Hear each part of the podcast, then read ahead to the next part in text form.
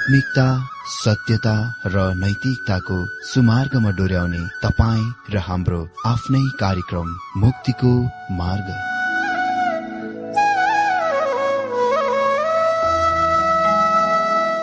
आदरणीय श्रोता यस मुक्तिको मार्ग कार्यक्रममा हार्दिक स्वागत छ। आशा छ यस आत्मिक कार्यक्रमद्वारा जीवनमा आत्मिक आशिष अलौकिक शान्ति र आनन्द प्राप्त गर्नुहुनेछ। र जीवनमा धन्य अनुभव गर्नुहुनेछ। आउनुहोस् श्रोता। मन र आत्माको तयारीको लागि यो मिठो अनि मधुर भजन गीत सुनौ।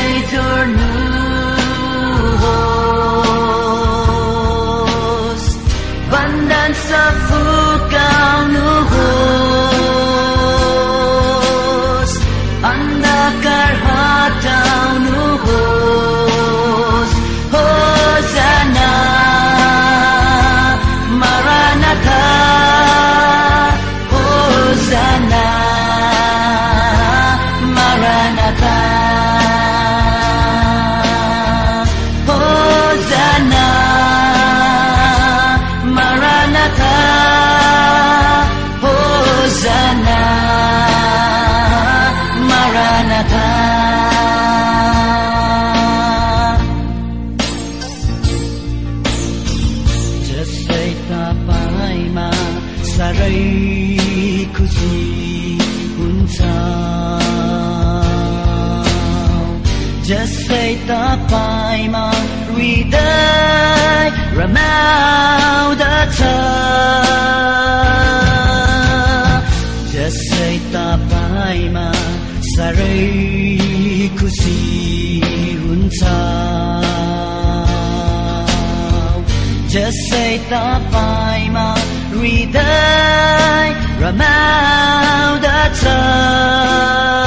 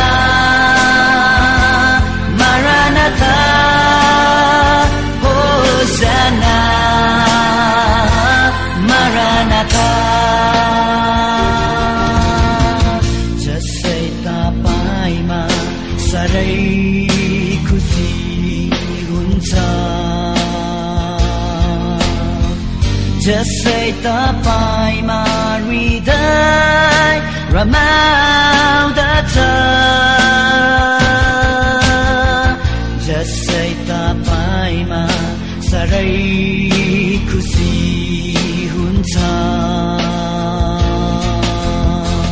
जसै तपाईँमा हृदय रमाउँदछ। हर्षको तेल कन्याउनुहोस् धार्मिकता पहिराउनुहोस् अभिषेक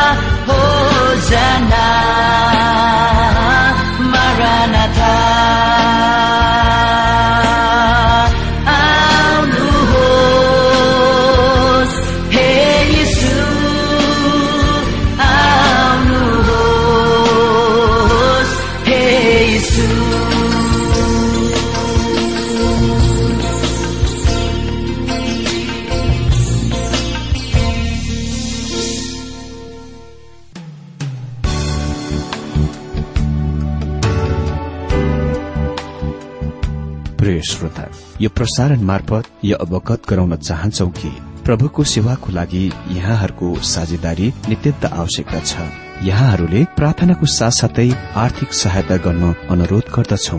तपाईँहरूको सानो भन्दा सानो भेटी किन नहोस्? हामी प्रभुको नाममा स्वीकार गर्नेछौ प्रभुको सेवाको लागि।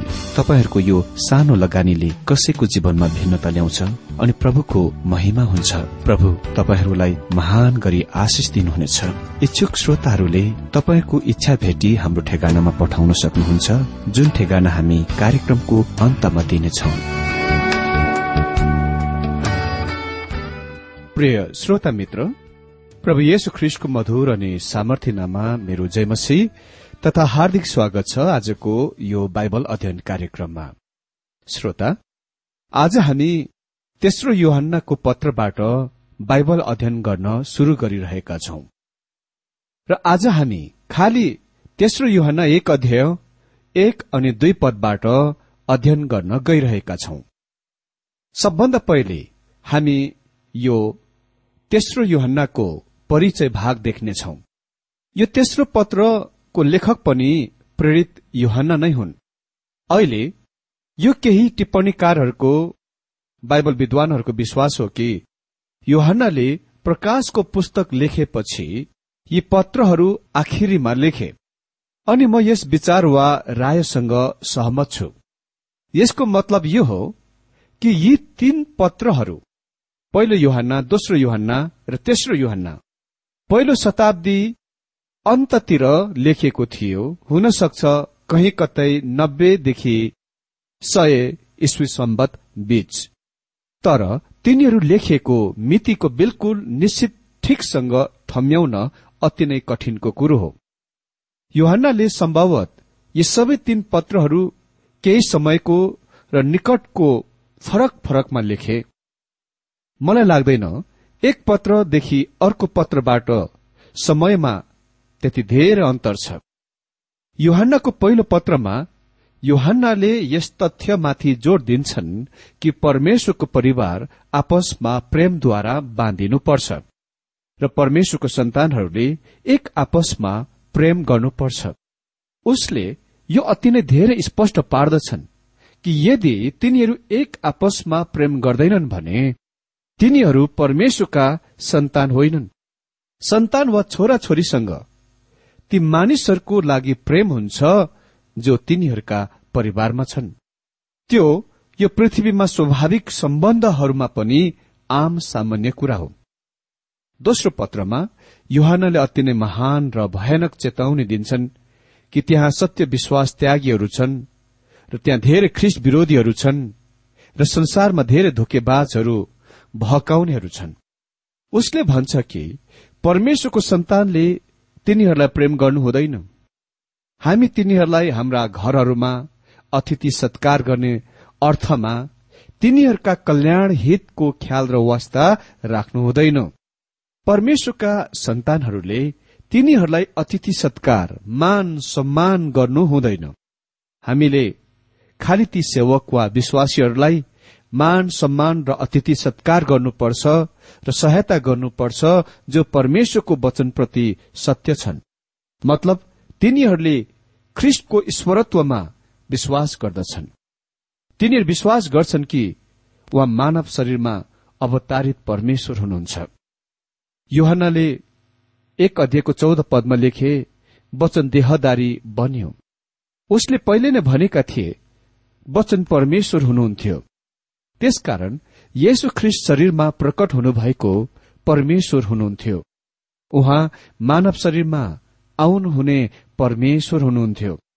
जबसम्म कुनै व्यक्तिले यो विश्वास गर्दैन उससँग उद्धारकर्ता हुँदैन। यदि येशु ख्रिस्ट खाली मानिस मात्र हुनुहुन्छ भने वा खाली बस त्यति मात्र हुनुहुन्छ हामीसँग उद्धारकर्ता हुने छैन। यदि उहाँ खालि मानिस मात्र हुनुभए उहाँको जन्मको सम्झना गर्न उहाँको मृत्यु र उहाँको पुनरुत्थानको याद गर्न कुनै कारण छैन।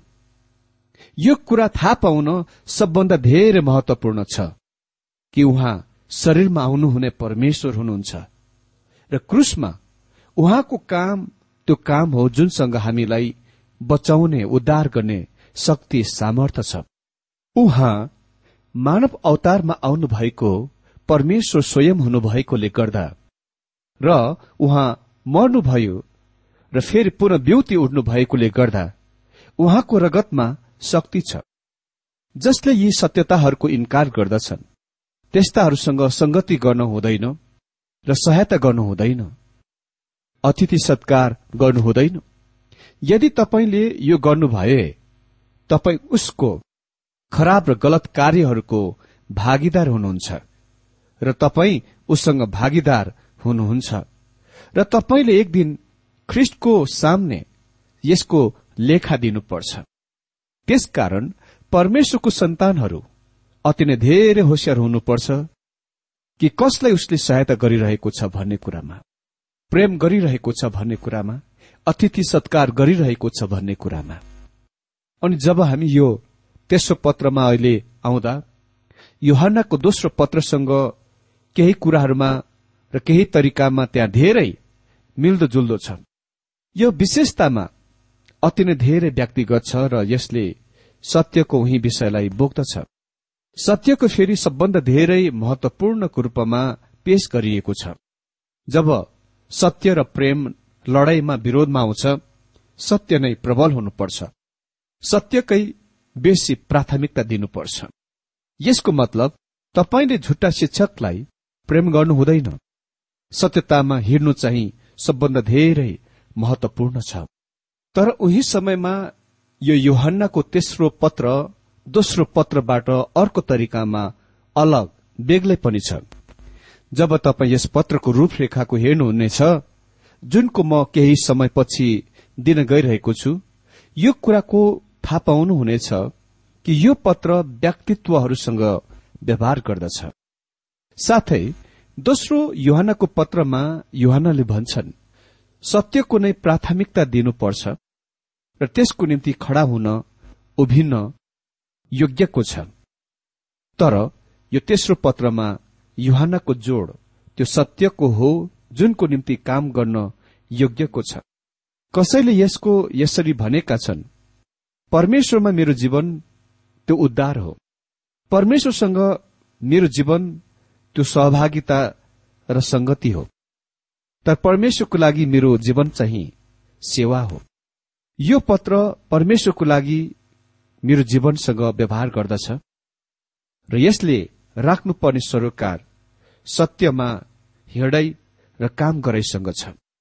त्यसपछि यसको रूपरेखा पनि हेरिहालौं। पहिलो पद एकदेखि आठ पदमा प्राम्भिक मण्डलीमा प्रिय भाइ गायसको गायस त्यो व्यक्ति हुन् जसलाई यो पत्रमा सम्बोधन गरिएको छ र परमेश्वरको वचनको सत्य शिक्षकहरूलाई अतिथि सत्कार गर्ने पहुना सत्कार गर्ने आग्रह गरिएको छ। दोस्रो पद नौदेखि एघार पद ड्युट्रेफस जो मण्डलीमा प्रमुख मुख्य बन्न चाहन्थे। खराब दुष्ट कामहरू झुट्टा शिक्षाको अभिव्यक्त हो। तेस्रो पद बाह्रदेखि चौधमा डेमेट्रियससँग सबै मानिसबाट र सत्य आफैबाट पनि असल गवाई छ। असल जीवन सत्य शिक्षाको अभिव्यक्त हो।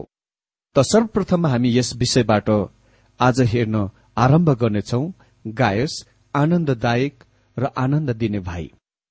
तेस्रो युहना एक अध्ययको एक पदमा लेखिएको छ एल्डरबाट मेरो प्रिय मित्र गायसलाई जसलाई म साँचो प्रेम गर्दछु। एल्डरबाट अर्थात अगुवाबाट। मित्र युहानले दोस्रो पत्रमा जस्तै यहाँ यो शब्द एल्डर वा अगुवा शब्द प्रयोग गर्छन्। यसले उसको आयु वा उमेरको संकेत गर्न सक्छ। उनी अहिले नब्बे वर्ष उमेरमा थिए। र निश्चय नै उमेरको अर्थमा उनी अगुवा वा एल्डर थिए। उनी यो समयमा वरिष्ठ नागरिक हुन्। साथै अगुवा एल्डरले प्रारम्भिक मण्डलीमा कार्यभार पदको पनि बताउँछ र निश्चय नै योहन्नाले त्यसको पनि दावी गर्न सक्थे। वास्तवमा भन्नु नै पर्दा उसले त्यो भन्दा अझ अधिक धेरै वा ठूलो पद स्थानको दावी गर्न सक्थे। उसले यो भन्न सक्थे म एक प्रेरित हुँ। तर उसले त्यो भन्दैनन् गायस मित्र हुन् र तपाईँ आफ्नो सङ्गी मित्रलाई त्यस तरिकामा लेख्नुहुन्न। कमसे कम म आफ्ना व्यक्तिगत मित्रहरूलाई त्यस तरिकामा लेख्दिन। मेरो आफ्ना स्कूलमा पढ्ने र सानामा खेल्ने धेरै मित्रहरू छन् जसलाई म कहिलेकाहीँ पत्र लेख्छु तर म कहिले पनि मेरो ओहदा मेरो डिग्रीको पत्रमा लेख्दिन वा उल्लेख गर्दिन। म खालि मेरो नाम मात्र लेख्छु। तिम्रो मित्र फल्ना फल्ना। बस। किनकि उनीहरूले मलाई लेख्दा वा भेट्दा नाम काटेर बोलाउँछन्। अनि म पनि तिनीहरूलाई त्यसरी नै बोलाउँछु। कतिजना त पीएचडी डिग्री हुनेहरू डाक्टरहरू इन्जिनियरहरू छन्। तिनीहरूले मलाई पत्र लेख्दा आफ्ना पद ओहदा स्थान वा डिग्री लेख्दैनन्। बस आफ्नो नाम मात्र उल्लेख गर्छन्। तिम्रो साथी फल्ना फल्ना। युहन्नाले आफ्नो व्यक्तिगत मित्रलाई पत्र लेखिरहेका छन् र उसले खालि यही मात्र भन्छ म एल्डरबाट अगुवाबाट प्रिय गायसलाई। प्रिय गायसलाई म यस कथनको अति नै धेरै मन पराउँछु। युहानको मित्र गायस। हजुर युहानको पत्र प्रारम्भिक प्राचीन मण्डलीमा गायसको नामद्वारा सम्बोधित गरिएको छ। गायस मण्डलीमा प्रिय भाइ थिए। चारपल्ट योहनाले उसलाई प्रिय भन्दछन्। पद एकमा पद दुईमा अनि पद पाँचमा र पद एघारमा। युहाना उसलाई जान्दछन् र प्रभुमा उसलाई प्रेम गर्छन्। र अहिले उसले यस भाइलाई पत्र लेख्छन् जो कुनै स्थानीय मण्डलीमा छन् जसलाई म सत्यमा प्रेम गर्छु। तुरुन्तै हामीलाई भनिएको छ कि गायस शिक्षा र सिद्धान्तमा ठिक छन् सही छन्। उसले ख्रिसको ईश्वरत्वलाई ग्रहण गरे स्वीकार गरे। गायस त्यो व्यक्ति हुन् जो सत्यको लागि उभे र उनी खालि सत्यको लागि मात्र उभेनन् तर सत्यको लागि पनि काम गरे। यहाँ त्यो मानिस छन् जो प्रेममा हिँड्दथ्यो र काम गर्दथ्यो। उसले प्रेमको प्रकट गरे। यदि तपाईँ सही क्रिया गर्न गइरहनु भएको छ वा सही क्रिया गर्नुहुनेछ भने तपाईँले ठिक सही सोच्नु पर्दछ। यो आज जीवनको कुनै पनि क्षेत्रमा सत्य छ। भनिएको छ एक पदमा एल्डरबाट मेरो प्रिय मित्र गायसलाई जसलाई म साँचो प्रेम गर्दछु। दोस्रो प्रिय मित्र म प्रार्थना गर्दछु कि सबै कुरामा तिम्रो भलो होस् र तिम्रो स्वास्थ्य ठिक रहोस्। तिम्रो आत्मिक जीवन ठिक छ भन्ने म जान्दछु। भन्छन् प्रिय मित्र युवाना फेरि गाइसलाई हे प्रिय मित्र भन्दछन्। मतलब उनी उससँग अति नै निकटमा थिए र उसले अति नै धेरै प्रेम गर्थे। उसले यसकारण प्रेम गरेनन् किनभने उनी सुन्दर थिए। उनी युहानालाई सधैँ राम्रा राम्रा खानपान गराउँथे वा आर्थिक सहायता गर्थे। अह सायद यी कुरा गायसले युहानाप्रति गर्दथे होला। हामी निम्न पदहरूमा देख्न सक्छौ। तर महत्वपूर्ण कुरा यो छ कि यो गायस प्रभुमा थिए। प्रभुमा प्रियको रूपमा ग्रहण गरिएका थिए जस्तो कि सबै विश्वासी। तर महान कुरा हामी के देख्छौ भने यो व्यक्ति सत्यमा चल्दथे र आत्मिक रूपमा वृद्धि भएका थिए। उनी अति नै धेरै प्रभु भक्त थिए। उसको सिद्धान्त शुद्ध र सही थियो। अनि जब कुनै मानिसमा यो माथि उल्लेखित गुण पाइन्छ अन्य असल गुणहरू पछि पछि आइहाल्छ। यहाँ युहना फेरि भन्छन् हे प्रिय हो प्रिय मित्र जसरी तिम्रो आत्मिक उन्नति भएको छ उसरी नै सबै कुराहरूमा तिम्रो उन्नति होस्। र निरोग रह भनी म चाहना गर्दछु।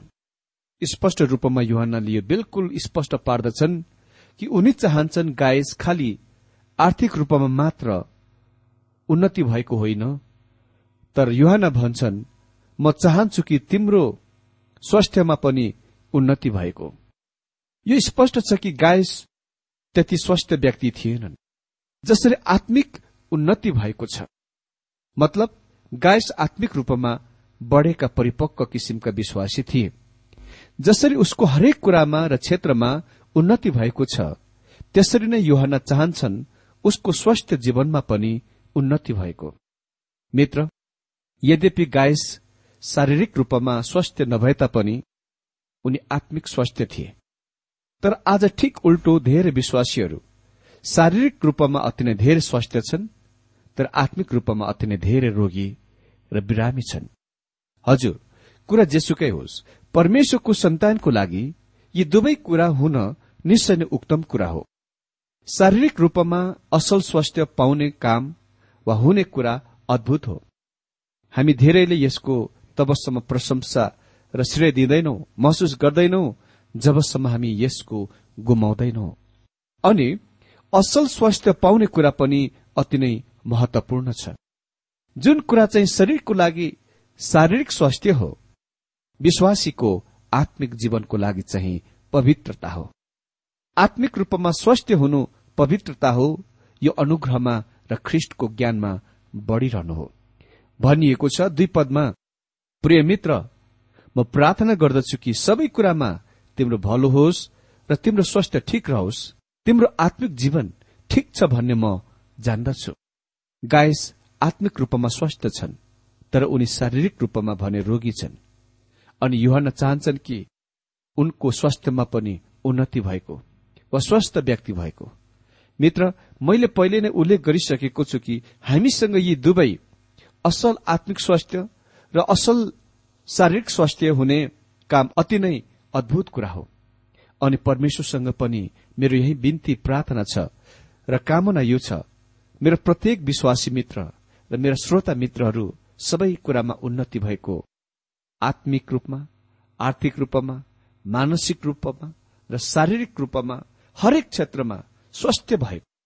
विशेष गरेर मलाई तब धेरै खुसी हुन्छ जब म श्रोताहरूबाट पत्र पाउँछु कि कति अद्भुत रूपमा तिनीहरू आत्मिक रूपमा परमेश्वरको वचन अध्ययनको माध्यमद्वारा बढ़िरहेका छन् वृद्धि भइरहेका छन् र हाम्रो प्रार्थनाको मदतद्वारा तिनीहरू विभिन्न रोग बिमार समस्याहरूबाट मुक्त भइरहेका छन्। प्रभुको स्तुति होस् प्रभुलाई धन्यवाद होस्। प्रभु तपाईँ सबैलाई आजको यो बाइबल अध्ययनद्वारा धेरै धेरै आशिष दिनुभएको होस्।